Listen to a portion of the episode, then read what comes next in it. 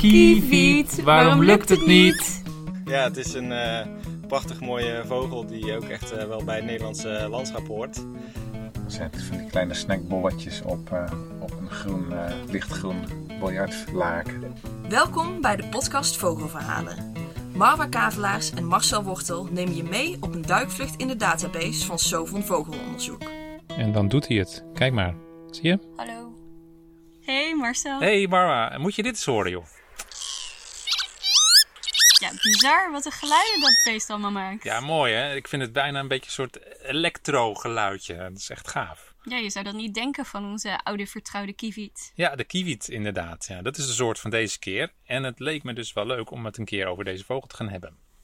Waarom eigenlijk? Nou, allereerst vanwege dat gave geluid natuurlijk. Maar het, ik, ik vind het ook echt wel een opvallende verschijning in het boerenland. Ik bedoel, als je hem zo, uh, zo ziet, is het echt een hele acrobatische vlieger. Eigenlijk gewoon een heel gaaf beest. Maar het gaat niet zo goed toch met de kieviet? Nee, nee, dat klopt. Hier, moet je kijken. De aantallen nemen sinds 1990 gestaag af. Er is nog maar 40% over van de aantallen van midden jaren 80. En het worden er elk jaar minder. Ja, dat is, klinkt niet zo best natuurlijk. Nee, zeker niet. En dat is wel het geval van meer boerenlandvogels. Dus ja, je hebt gelijk. Lijkt me goed dat we daar een keer over gaan hebben. Absoluut. En dat brengt me gelijk op een mooi verhaal. Moet je horen. Dit voorjaar zijn een aantal kievieten gezenderd op verschillende locaties in Nederland. Zo kunnen we precies zien waar de kievieten zijn en hoe het hun nesten vergaat. En als je naar die beelden kijkt, dan zie je de kievieten keurig rondvliegen rond hun broed- en fourageerplaatsen. Maar begin mei van dit jaar gebeurt er iets vreemds. Opeens pakken twee kievieten hun biezen. Terwijl ze normaal gesproken kriskras rond hun broedplek bewegen, beginnen ze opeens aan een lange tocht naar het oosten. Na een aantal dagen trekken strijken ze neer. Eén in Rusland, vlakbij Sint-Petersburg, en de andere notabene in Oekraïne, niet ver weg van de grens met Wit-Rusland. Het roept alleen maar vragen op. Hoe weten de kievieten waar ze heen moeten? Uh, vliegen ze daar op goed geluk heen? En wat doen ze daar eigenlijk? Proberen ze opnieuw een nest te stichten, maar zijn de omstandigheden daar dan beter? En hoe weten ze überhaupt dat daar dan betere omstandigheden zijn? Doen kievieten dit dan wel vaker? We hebben er echt allemaal geen antwoord. Het laat wel zien dat we nog niet zoveel weten over vogels die we denken goed te kennen. Ja, laten we maar eens gaan kijken naar wat we wel weten. Precies. Ik ga praten met Erik Kleiheeg. Hij is coördinator van het onderzoek naar boerenlandvogels bij Sovon. Hij moet ons wel kunnen vertellen hoe het zit met de kieviet. Goed idee. Dan ga ik mijn laarzen aantrekken en dan ga ik met Frank Major op pad. Hij is veel in het veld te vinden voor het kievietonderzoek. En hij heeft bijvoorbeeld ook meegewerkt aan het zenderen van de kievieten, waar ik dus net over vertelde. Goed plan. Ga maar lekker rennen. Als een kieviet. Doei! In vogelvlucht. Hoi Erik, dankjewel dat je hier vandaag bij mij aanschuift in onze eigen mooie Sovon studio. Ja, leuk om hier ook eens een keer te zitten. Oh ja. We gaan het vandaag hebben over de kieviet. We hoorden hem net in het begin van de podcast al even. Het is een heel bijzonder geluid. Maar kun jij voor de beginnende vogelaar onder onze luisteraars even vertellen hoe de kieviet eruit ziet? Ja, de kieviet is eigenlijk een, uh, een van de meest bekende weidevogels. Dus je zal hem uh, vooral in het weiland uh, zien rondlopen. Hij is, als je oppervlakkig kijkt, zwart-wit. Hij heeft een donkere bovenkant en een witte buik. Een zwarte borstband eigenlijk. en een, een, een wit gezichtje of een witte, witte wang is eigenlijk wat je ziet. En wat heel kenmerkend aan de kieviet is natuurlijk die, die kuif die hij heeft. He, naar, naar achteren toe gericht en heeft hij een kuifje. En als je die rug ziet uh, op een afstand, dan lijkt hij donker, zwart. Hè? Maar als je daar mooi licht op hebt, dan, uh, dan uh, iridiseert hij heel mooi. Dan zie je glanzend groen en paars. Dat is echt heel mooi om te zien. Ja, het is een hele mooie vogel met die kleuren. En ja, vooral die met die kuif kan je hem al helemaal niet verwarren met andere vogelsoorten. Nee, klopt. En je zei het al net even, hij komt vooral voor in het boerenland. Is dat het enige habitat waar je ze kan aantreffen? Nou, het is wel het, echt het voornaamste habitat waar die, waar die zit in Nederland. En wat voor eten kunnen ze daar vinden? Nou, kieviet, uh, die, uh, uh, dat zijn eigenlijk plevieren. Hè? Dat die kan je zien aan die hele korte snavel die ze hebben. Dat zijn dan ook zichtjagers, zoals eigenlijk alle plevieren zijn. Dus ze zoeken naar regenwormen met name. die zien ze dus op de grond en dan, dan rennen ze er naartoe en dan proberen ze uit te, uit de grond te trekken. Oh ja? Dus het zijn vooral regenwormen die volwassen kievieten eten. En de kuikens die hebben een, een wat ander dieet. Zeker als ze nog heel klein zijn, dan eten ze vooral insecten en andere ongewervelde diertjes. Oké, dat voedsel heeft wel te maken met waarom het niet zo goed gaat met de kieviet. Of hoe zit dat? Ja, dat is waarschijnlijk wel een hele belangrijke factor inderdaad. want het gaat inderdaad niet goed met de kieviet. Uh, we zien dat de aantallen op dit moment harder achteruit gaan dan uh, bijvoorbeeld die van de grutto. Uh, dus het is echt wel een soort die in nood verkeert. En we dachten eigenlijk heel lang, omdat de kievieten vooral wormen eten. Hè, de wormen zijn over het algemeen goed beschikbaar. dat de kieviet de dans wel een beetje zou ontspringen. Mm -hmm. Maar we zien nu toch dat het helemaal niet goed gaat. En vooral die kuikens die, die overleven heel slecht. dus, en dat, voedselgebrek is waarschijnlijk een van de factoren die eraan bijdraagt dat het zo slecht gaat. Maar zijn er ook nog andere oorzaken? Ja, het moeilijke in het boerenland en, en met de ecologie in het boerenland is dus dat hele boel van die factoren met elkaar te maken hebben. Uh, maar eigenlijk is alles, bijna alles, uh, te vangen door, door te hebben over de intensivering van de landbouw, hè, waar we het allemaal al heel lang over hebben. Uh, waardoor de biodiversiteit achteruit gaat, het aantal insecten, uh, de, de, de, de biomassa die voor een kievietkuiken beschikbaar is om te eten, die gaat achteruit. Uh, maar daarnaast verandert ook het hele, de hele omgeving. Hè? Dus het, het, het grasland wordt minder geschikt, het wordt te dicht en te hoog of vroeg in het voorjaar voor die kuikens om doorheen te lopen. Um, en wat we ook zien is dat natuurlijk de, de predatorengemeenschap verandert. Dus er zijn ook steeds meer dieren die graag de kuikens uh, opeten. En al die factoren hebben met elkaar te maken, uh, hangen samen met elkaar, en, maar, maar beïnvloeden dus wel die kuikenoverleving in negatieve zin. Oké, dus de vindkans van het voedsel. Nou, je hebt dus inderdaad die, die voedselbeschikbaarheid. Hè? Dus de, de beschikbaarheid, de hoeveelheid voedsel die er is, die, die is waarschijnlijk een probleem. Uh, om erbij te komen bij dat voedsel kan een probleem zijn, omdat die kuikens dus minder makkelijk door, door een weiland heen zich kunnen verplaatsen. Uh, en er zijn andere dieren die ook op, op zoek zijn naar voedsel. En als die kievietkuiken tegenkomen, dan zullen ze die ook natuurlijk opeten. Ja, uiteraard. En komt dat dan ook omdat het landschap nu opener is dan vroeger? Dat ze de kuikens makkelijker kunnen vinden om op te eten? Nou, het landschap is eigenlijk niet per se opener dan vroeger. als we het op een bepaalde, op de schaal zeg maar, bekijken zoals, de, zoals een kieviet dat ziet. Want mm. um, een kieviet heeft juist een heel, heel graag een open landschap. Maar wat je wel hebt natuurlijk is dat de manier van landbouw heel erg um, in, in de vorm van monoculturen is. Hè? Dus het is heel gelijkmatig alles. Um, waardoor er inderdaad op die, die kleine schaal heel weinig dekking is voor kievieten of steeds minder dekking is. Um, weinig variatie in de structuur van de vegetatie. En zeker dat is heel belangrijk voor, voor kievieten en andere weidevogels ook trouwens. Dat en ze zich niet zo goed kunnen verstoppen. Ja, eigenlijk wil je als weidevogelkuiken, inclusief dus kievietkuiken, plekken hebben waar je makkelijk kunt fourageren. En voor kievietkuiken zijn dat uh, slikrandjes of, of, zeg maar kale plekken. Uh, waar ze makkelijk kunnen rennen en, en, en broodjes kunnen vinden. Maar je wil daarnaast ook plekken hebben waar wat meer gras staat. Uh, waar je je makkelijk in kunt verstoppen als er bijvoorbeeld gevaar dreigt. Ah ja, oké, okay, op die manier. En die variatie, die zie je dus steeds minder in het boerenland. Gaat het buiten Nederland ook niet zo goed met de kieviet? Of is het echt een Nederlands probleem? Nee, dat is zeker geen Nederlands probleem. De kieviet die komt voor in eigenlijk de hele gematigde zone van Europa en Azië. Uh, maar als we kijken naar de landen om ons heen, dan zien we dat de kieviet het overal moeilijk heeft met de intensivering van de landbouw. Um, en uh, wat je in de landen om ons heen steeds meer ziet, is dat veel weidevogels in reservaten broeden. En uh, in Nederland hebben we echt nog wel het geluk dat er zoveel weidevogels uh, in het boerenland ook nog zitten. Dus om ons heen gaat het eerder slechter dan, dan beter. Oké, okay, nou, toch nog iets positiefs aan de kieviet in Nederland. Ja, nou ja, ik zou, we, we hadden eigenlijk verwacht dat hij het nogal wat langer zou, zou uithouden mm-hmm. in het boerenland. maar we zien toch dat het, dat het ook hier niet helemaal de goede kant op gaat. Wat we in het buitenland zien is dat zeker die predatiedruk ehm, wel dermate hoog is dat ze ja, teruggedrongen worden naar, naar reservaatjes waar, waar soms dan een, een, een predatorwerend uh, elektrisch hek bijvoorbeeld omheen staat. Oh, dus dat soort dingen helpen echt voor ja. de kieviet? Ja, ja, dat helpt wel om de nesten uit te laten komen. En uh, als, het, als het groot genoeg is, zo'n gebied, om ook de jongen te laten groot worden. Hm, laten we weer het belang van uh, natuurreservaten zien. Ja, maar dit soort menselijk ingrijpen is wel heel eh, ingrijpend eh, natuurlijk. En de vraag is of je dat eh, wilt. En wat sowieso niet haalbaar is, is om dat in, eh, in Nederland op zo'n grote schaal te doen dat je alle kievieten beschermt. Nee, dus eh, we moeten het van ander beheer hebben. Dat is wel de sleutel. En hoe, hoe weten jullie dan dat dat de oorzaken zijn van de achteruitgang?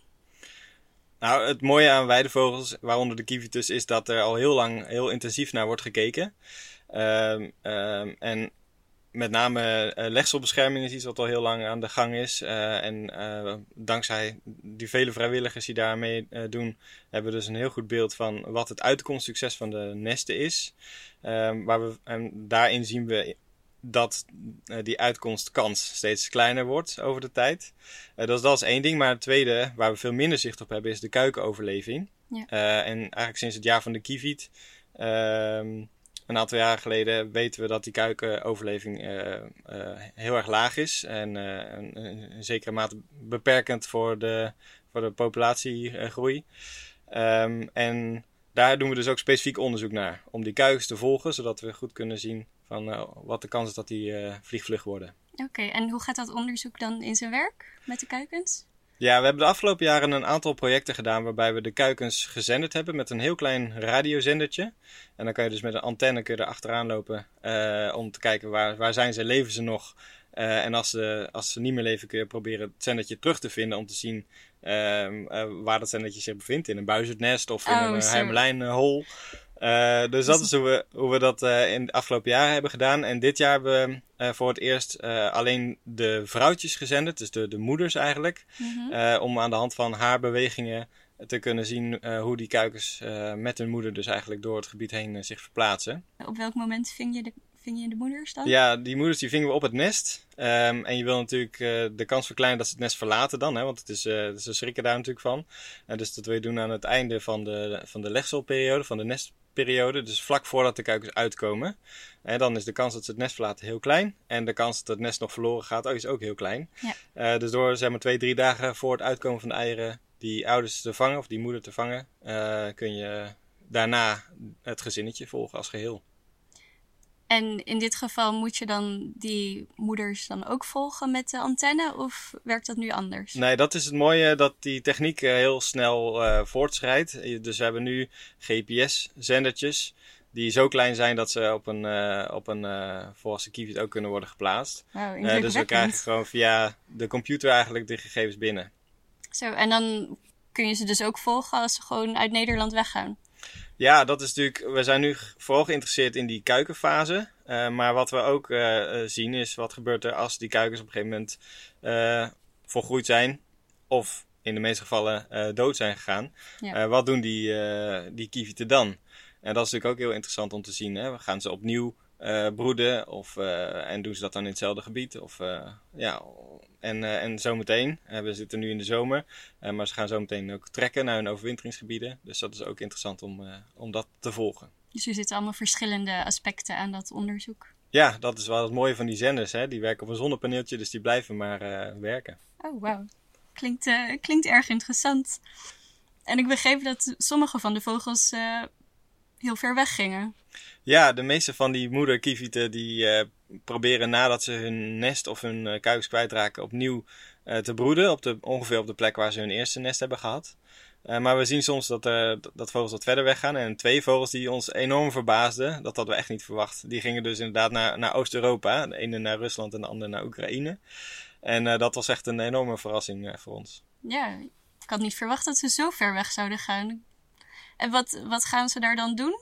Gaan ze dan nog een broedpoging doen? Of weet je dat niet? Ja, dat was heel spannend toen we dat zagen gebeuren. Om te zien eh, wat ze daar zouden gaan doen. En die vogel die in Rusland eh, terecht kwam, die is daar maar eh, heel even gebleven. En die is toen weer een klein stukje terug naar het westen gevlogen. Maar die vogel in Oekraïne is zeer waarschijnlijk daar opnieuw, een, opnieuw gaan broeden.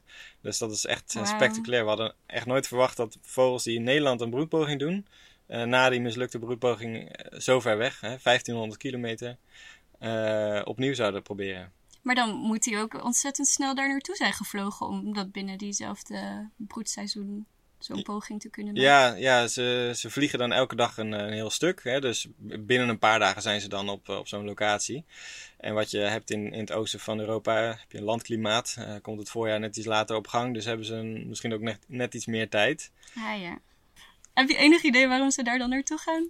Ja, dat is een goede vraag. En uh, het moeilijke is dat we eigenlijk nooit volwassen vogels volgen in het broedseizoen, hè, individuele vogels. Dus we weten niet zo goed of dit vaker gebeurt. Uh, maar wat ik net al zei, is dat het een heel droog voorjaar was. Dus die volwassen vogels hadden het ook echt moeilijk uh, met het vinden van voedsel. Je kunt je goed voorstellen, dat is wel onze hypothese, uh, dat als ze op een gegeven moment hun nest kwijtraken en ze zien in, om, om zich heen dat de omstandigheden gewoon echt niet geschikt zijn voor ze, uh, dat ze dan uitwijken en dat ze het toch op een andere plek proberen. Maar dat ze dan zo ver weg zouden vliegen, dat hadden we niet verwacht. Nee, het is echt indrukwekkend. En dus veel flexibeler dan verwacht. Ja, ja mogelijk wel, ja. Heb je al voorlopige resultaten van het zenderonderzoek dat je kan vertellen? Ja, ik kan wel in grove lijnen uh, vertellen wat we, wat we hebben gevonden. We zijn de data nog aan het uitwerken. Uh, maar dit voorjaar was een heel droog voorjaar. En uh, dat is wel iets waar, je, waar kievieten problemen mee hebben. Ik zei net al, ze hebben een heel korte snavel. Dus ze moeten het hebben van regenwormen die in, het, echt in het bovenste laagje van de grond zitten. Um, en als het droog is, gaan die regenwormen heel diep zitten. Uh, dus dan is er voor, voor ook volwassen kievieten heel weinig voedsel. Uh, maar dat geldt ook voor de kuikens, die, uh, die op een gegeven moment ook overschakelen op wormen. dus wat we zagen is dat die kievietsgezinnen allemaal echt trokken naar, naar plekken die heel nat zijn. dus dat is wel, wel heel opvallend. En wat we dus ook willen gaan doen is kijken hoe het beheer van die percelen nou samenhangt met de omstandigheden die die kievieten nodig hebben. zodat we ook zeg maar, dit, dit onderzoek kunnen vertalen naar beheeradviezen. Oké, want wat maakt het beheer voor de kieviet nou zo moeilijk? Nou, eigenlijk geldt dat voor, voor al het weidevogelbeheer, is dat wij, uh, uh, wij, dan bedoel ik eigenlijk de agrarische sector, het land het liefst zo intensief gebruiken. Uh, dat het voor weidevogels niet meer zo interessant is. En dat betekent dat je het graag droog, relatief droog wil hebben, omdat je er met grote machines overheen moet. je wil een, een, een, een hoge opbrengst van het gras, waardoor je dus eigenlijk zo, zo dicht en hoog mogelijk gras produceert, wat voor kievieten dus ook weer niet uh, gunstig is. Uh, dus dat bijt elkaar tegenwoordig. Hè? Dus een aantal decennia geleden uh, waren de, de, de omstandigheden die boeren creëerden voor weidevogels optimaal. En daarom deden ze het zo goed, tot zeg maar de jaren 70, 80. Ja. maar tegenwoordig, nou ja, de boeren willen andere dingen en weidevogels willen graag nog steeds hetzelfde. Ja, en is er iets dat we dan nu kunnen doen om die achteruitgang te stoppen? Ja, we weten eigenlijk uh, over het algemeen goed wat werkt. Hè? Dus uh, je wilt graag wat nattere vegetatie, of een nattere bodem hebben. Je wil een, gevarieerdere vegetatie hebben. Uh, maar de grootste uitdaging is om dat in, in de, de bedrijfsvoering van, een, van een agrarisch bedrijf te kunnen implementeren. Uh, dus dat is de grote uitdaging. En uh, nou ja, misschien dat alle ontwikkelingen die er nu gaande zijn in het boerenland. Um, hè, ik heb het over het vastleggen van CO2, uh, tegengaan van, van bodemdaling, ook de stikstofproblematiek. Dat dat ook wel weer kansen biedt op termijn voor weidevogels als de kieviet. Oké, okay, en daar kunnen dit soort inzichten dus ook bij helpen. Ja, zeker. Die jullie krijgen uit het onderzoek. Ja. Nou, hopelijk hebben we dan over een aantal jaar een beter beeld van de kieviet. Gaat het weer een stuk beter. Ja, dat uh, hoop ik ook. Ja, het is een uh, prachtig mooie vogel die ook echt uh, wel bij het Nederlandse landschap hoort. En ja, ik zeg al, als we die ontwikkeling, die, die, die ontwikkeling naar meer natuurinclusieve landbouw echt vorm kunnen geven, dan is er ook voor deze vogels toekomst. Ja, dat zou mooi zijn.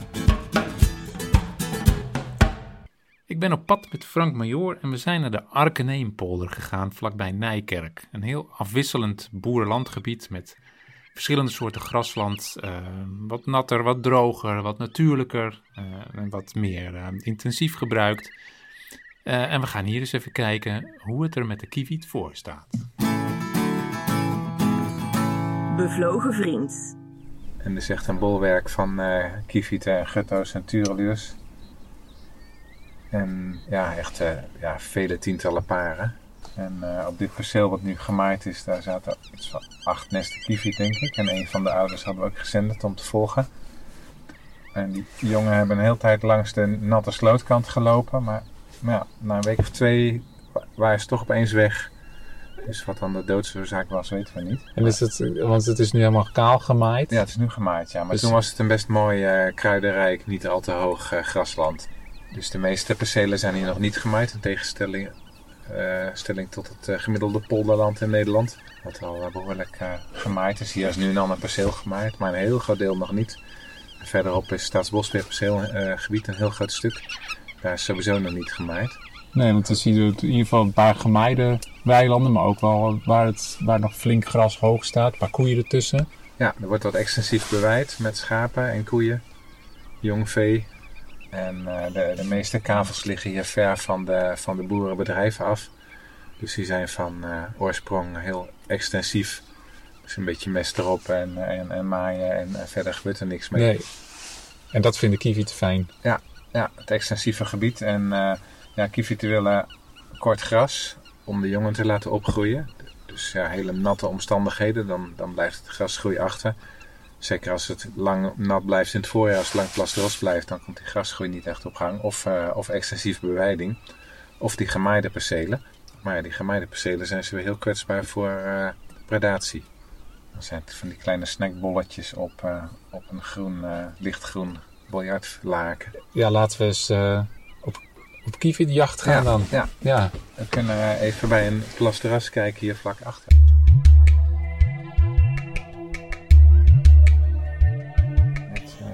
Foto gemaakt van het jong. Het jong dat staat echt eh, Oh ja. bijna, bijna op uitvliegen. Oh, wel niet. Moet hij wel zo. Dus ik heb hem gekleurringd toen hij eh, een week oud was. En hij doet het nog. En hij doet het nog. Dus dit is degene die ik kon vinden. Maar eh, twee weken geleden was ik hier ook. Toen liepen er nog drie. Dus er zijn er al twee eh, waarschijnlijk verdwenen. Nou ja, nee, ik kan het niet zien door het hoog gras. Ook zie je nu er eentje lopen. Want je kijkt nu vanuit de auto met de telescoop. eh, doe je dat altijd zo? Of ga je er ook, eh, Ik- moet je ook ja, het veld in? Om ze, om ze te ringen, om ze te vangen, dan, eh, dan, dan moet ik natuurlijk het veld in. Ja, Maar met de telescoop vanuit de auto zit je in een soort schuiltent. Ja, dus die precies. vogels gaan niet in de alarm zolang je in die auto zit. Dus het is een, een milieu-onvriendelijke, prachtige schuiltent. En dit busje zit ook lekker hoog. ja, het is natuurvriendelijk. Misschien wat minder goed voor het milieu. Ja, ja. Ja. Nee, het is een, eh, een eh, milieu-onvriendelijke schuiltent. Ik zie nu een jongen die heeft geen ring. Maar de... ehm, oh, met een jonge turelie ernaast die ook kan vliegen. Maar hij is wel van dezelfde generatie. Toen ik hier eh, opliep de eerste keer, toen ik die jongen heb geringd, liepen er twee families. Ja, En ehm, ik, kon, ik kon niet alle zesde jongen vinden, of zeven, of hoeveel er liepen. Ik zag wel dat er heel veel jongen liepen, maar ik heb ze niet allemaal gevonden, maar wel bijna allemaal.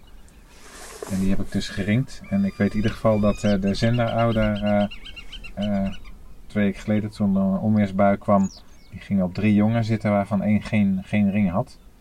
Dus misschien dat dit dan ook wel een van de jongen is van die, van die vogel.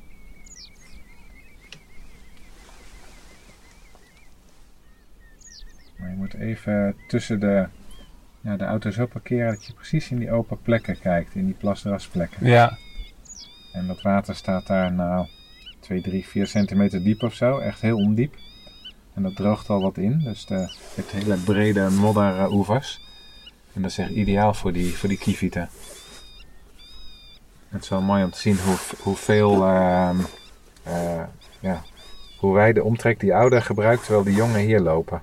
Ja, want de jongen blijven dan altijd een beetje in de buurt van het nest waar ze uitgekomen zijn. Mm, die, die, die moeder die, die, die leidt ze naar een goede voedselplek. Ja, ja. Dus een plek met, met eh, niet al te hoog gras, eh, een beweid perceel of een plastrasperceel of een natte slootkant. In ieder geval waar het gras niet zo hoog is. En daar blijven die jongen dan zolang die situatie gunstig is. ja. Of totdat er ergens anders een, een plek gunstiger wordt. Als er vlakbij een perceel wordt gemaaid en die moeder denkt van nou, daar kunnen die jongen makkelijker uit de voeten. Dan gaan ze naar de plasras. Dan steken ze zo de weg over en een paar sloten door. En Ja. dan eh, zijn, ze op die plas, oh, zijn ze op het gemaaide perceel. Ja. Dus ze moeten het ook wel hebben dat er gewoon wat verschillende percelen in de buurt zijn. Dat Ja. ze wat te kiezen hebben. Ja, maar ja, het, het is dus wel een, eh, een, eh, een soort ecologische val, die gema gemaaide percelen. Want ja, het is dus, dus er is gewoon geen dekking. Nee. Dus ze trekken er heel graag naartoe, omdat dat, eh, Ja, omdat het heel makkelijk, omdat ze heel makkelijk uit de voeten kunnen. Ze zijn oogjagers, die, die pikken alles op uit, uit dat korte gras. Ja, En eh, als, het, als het gras rond die plasdrassen te hoog wordt, dan, dan hebben ze geen uitzicht meer. En als er dan te weinig slikranden zijn, dan, dan gaan ze gewoon weg. Dan gaan ze gewoon naar het gemaaide perceel. ja, Omdat die ouder denkt dat ze het daar beter eh, zullen hebben. ja, maar dat valt in de praktijk dus vaak vies Ja, tegen. nee, dat zijn de dingen die de ouder niet kan inschatten. Nee. En die ouder kan ook niet inschatten of die slootkant wel of niet eh, eh, begaanbaar is voor het jong. Ja. Sommige slootkanten zijn heel steil. En dan kunnen de jongen er niet uit. Dus dat, is, dat zijn dan wel manieren om jongen te verliezen. Ja. En kijk, heb ik een hele grote. Precies, dat jong te pakken kan krijgen. Oh ja, gaan we erop uit. Dus kijken of eh, Frank rent het veld in op zoek naar het kievietjong. Twee alarmerende kievieten die vliegen hoog op. Nee, te laat. Ja, dit, eh, dit is een jong wat, eh, wat al prima kon vliegen. Nog wel begeleid door de, door de moeder dus. Maar ja, en dat perceel, er zitten ook vrij veel kale stukken op eh, langs de slootkant. Dus op zich had hij wel een mooi perceel uitgekozen, maar niet, eh, niet voldoende. En eh, of dat dan een predatiekwestie is of een voedselkwestie is of eh, combinaties van van alles. Of de droogte. Ja, dat, Dus eh, dat is altijd gissen. dat laatste graden. Maar ehm, ja, het, het hele, hele boerenland is gewoon heel eh, voedselarm geworden door, eh, door alle monocultures. Ja.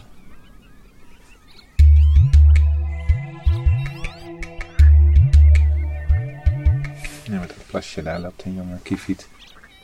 Ja, precies naar het gemaal toe. Dat, eh, dat streepje net voorbij het paard. Precies naar het gemaal toe. Oh ja, ik zie hem, ja. Maar die heeft ook al redelijk lange vleugels. Dat zou kunnen als hij ook al kan vliegen. Tuurlijk ernaast. Het zal erom hangen of die, eh, of die kan vliegen.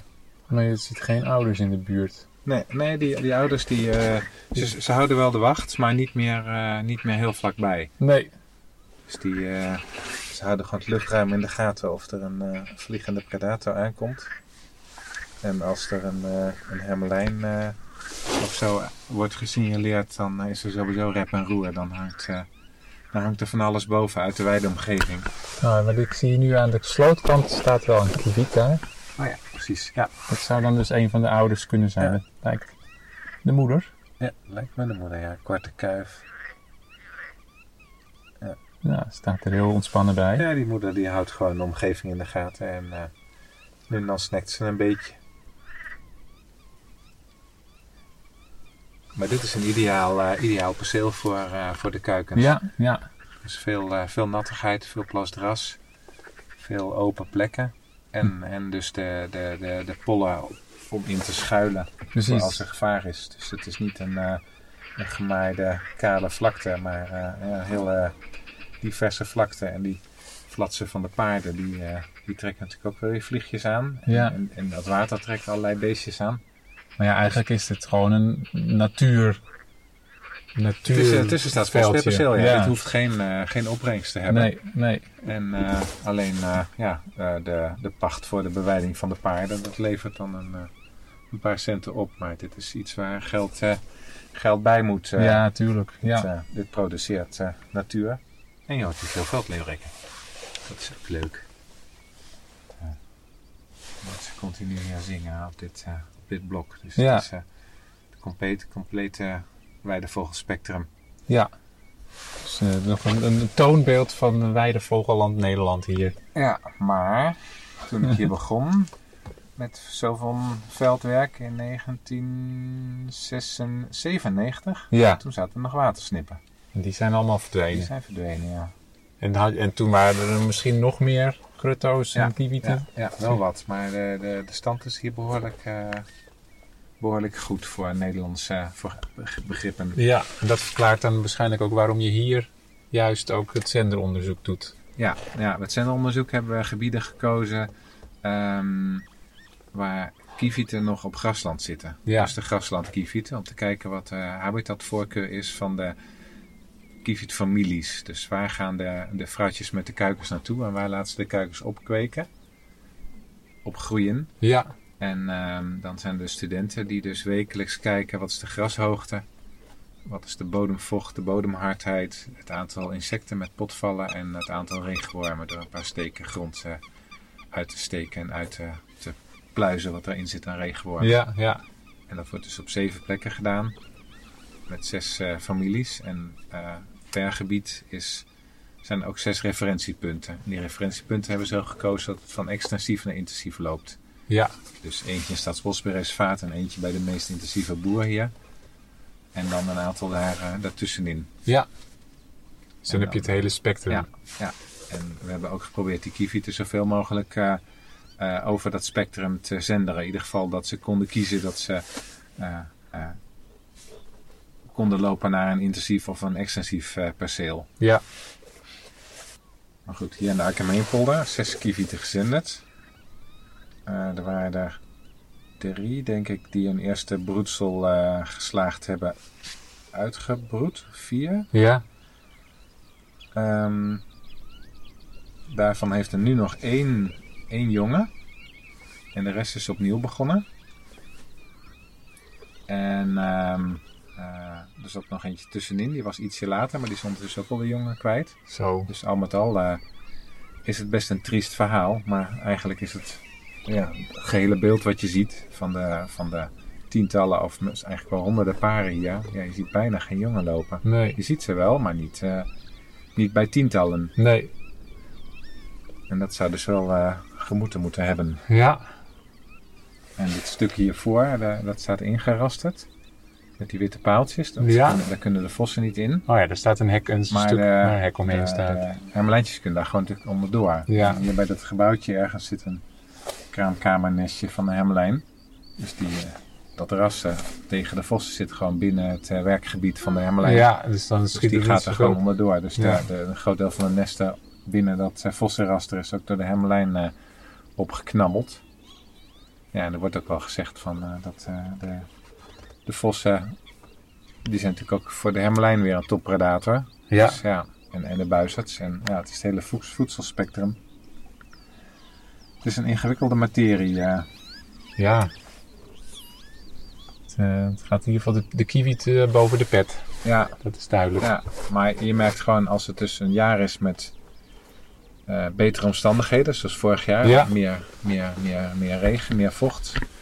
eh, latere activiteiten op het veld van de boeren, dus minder maaien. Ja. Dat het gewoon scheelt met, met wat er groot komt van de, van de kievieten en de gutto's. En dan zo'n jaar heb je evenveel predatoren. Heb je nog Ja. steeds eh, Nee, dat klopt. kraaien Ja. en vossen en, en reigers en hermelijnen en et cetera. Dus het zou, zou het kunnen dat ze dan nu, nu het eh, is gewoon weer nat, dat het, als het een beetje zo blijft, dat ze de schade nog wat in kunnen lopen? Nou, er zijn niet zo heel veel vervolglegsels nu. Oh, Ehm, de vervolglegsels doen ze het liefst eh, op maisland. Dus vervolglegsels op gras, dat, dat eh, ja, of het moet echt dat Staatsbosbeheerreservaat zijn. Dat, Ja. dat hele korte gras, daar gaan ze wel graag op zitten. maar hier staat geen mais. Nee, nee, Nee. maar ze, de, het, eh, ja, het, eh, het gras dat groeit op een gegeven moment eh, de, de kievieten boven het hoofd. En dan eh, gaan ze hun vervolglegsels heel graag op mais doen. Ja, En dat kan zo eh vijf of tien eh, kilometer verderop zijn. ja. Ik zie een jonkie lopen daar. Die zit tussen de zuringsstengels. Oh ja, oh, een, klein, een kleine. Een kleintje. Ja. Ja. In zijn donspakje. Ja, dat is nog een ukkie. Ja, een oude vogel waarschijnlijk in de buurt. Ja, een mannetje daarachter. Is het een man? Ja, jawel. Ik dacht tien oud, een En donsballetje. En daarachter staat er ook nog een kieviet. Ja. Dat is dan misschien zijn moeder. Maar er eentje. Ja, ze, ze kunnen, met, met dit mooie weer kunnen ze heel ver uit elkaar lopen. Ja, En er is vrij veel eh, dekking. Dus eh, het zou zo kunnen zijn dat 10, 20 meter of 30 meter verder de broer en zusjes nog net uit ons zicht lopen. ja precies. Maar dit is een mooi bolletje, maar nog net niet, eh, nog net niet in de veren. Kun je nou ook zien zo op een afstandje hoe oud hij is? Ja, ik denk een dag of tien. Oké. Dus die eerste groeitijd, dan, eh, dan blijft ze zo eh, nietig eh, klein eh, propje. Zodra ze een week of twee zijn, dan begint uiteindelijk een beetje dat verenpak te ontwikkelen. En dan, eh, dan gaat het wat harder. Ja. Mijn kieviet die ehm, broedt een eh, weekje langer dan een, eh, dan een gutto en natuurluur. En eh, voordat de jongen kunnen vliegen, dat duurt ook weer een week langer. Dat maakt ze natuurlijk ook nog weer wat kwetsbaar. Dus eh, dat maakt ze veel kwetsbaarder, ja. Dus een, een kieviet eh, doet er eh, zeker twee weken langer over voordat de jongen vliegvlug zijn vanaf die eerste eileg eh, ja, tot eh, ten opzichte van een gutto en een, een natuurluur. En dat maakt ze heel veel kwetsbaarder. En, eh, een, een, een weidevogelreservaat voor gutto's is makkelijker in te richten dan een weidevogelreservaat voor kievieten. ja, Dus de kieviet is eigenlijk, ja, ze zitten veel gespreider over het land. En er zijn ja, heel veel weidevogelbeschermers die zorgen dat in ieder geval de eieren uitkomen. Maar er zijn ook nog heel veel boeren die zich gewoon onderploegen. ja. Dus het is eh, ja, heel, heel kwetsbaar, heel moeilijk te beschermen eh, om, om de kieviet eh, in stand te houden in Nederland. ja. Er een harder hoofd in dan de gutto. Maar we hebben hier eh, we hebben dus camera's op, eh, op nesten gehad om te kijken wie er, wie er langs kwam bij de eieren. En eh, dat zijn dus eh, zelden, zelden vogels. Heel soms een kraai of een roofvogel, een havik of een, of een kiekendief. ja. Ook wel eens een doortrekkende gouden kiekendief die dan opeens op zo'n camera in beeld is en, een, eh, en eh, ja, uitkomende eieren opeet. ja. Maar het zijn vooral de, de zoogdieren, dus de, de hermelijnen en soms een egel en zelfs de hond van de buurman. En eh, in, in Friesland bij een predatieproject de kat van de boer. Ja, Dus er komt van alles langs, vooral viervoeters en ratten. Gewoon, ja, eigenlijk alle viervoeters die je kan bedenken komen in beeld. ja. En heel soms een kraai. Was leuk? Zeker, zeker, zeker leuk. Ja, en het is gewoon heel fijn om daar buiten rond te lopen. En eh, er zijn ook echt wel veel vogels. Maar ik, ja, het is gewoon wel jammer natuurlijk dat er zo weinig jongen zijn dit jaar. Ja, inderdaad. Nou, dan wordt het nu tijd om eh, weer af te sluiten.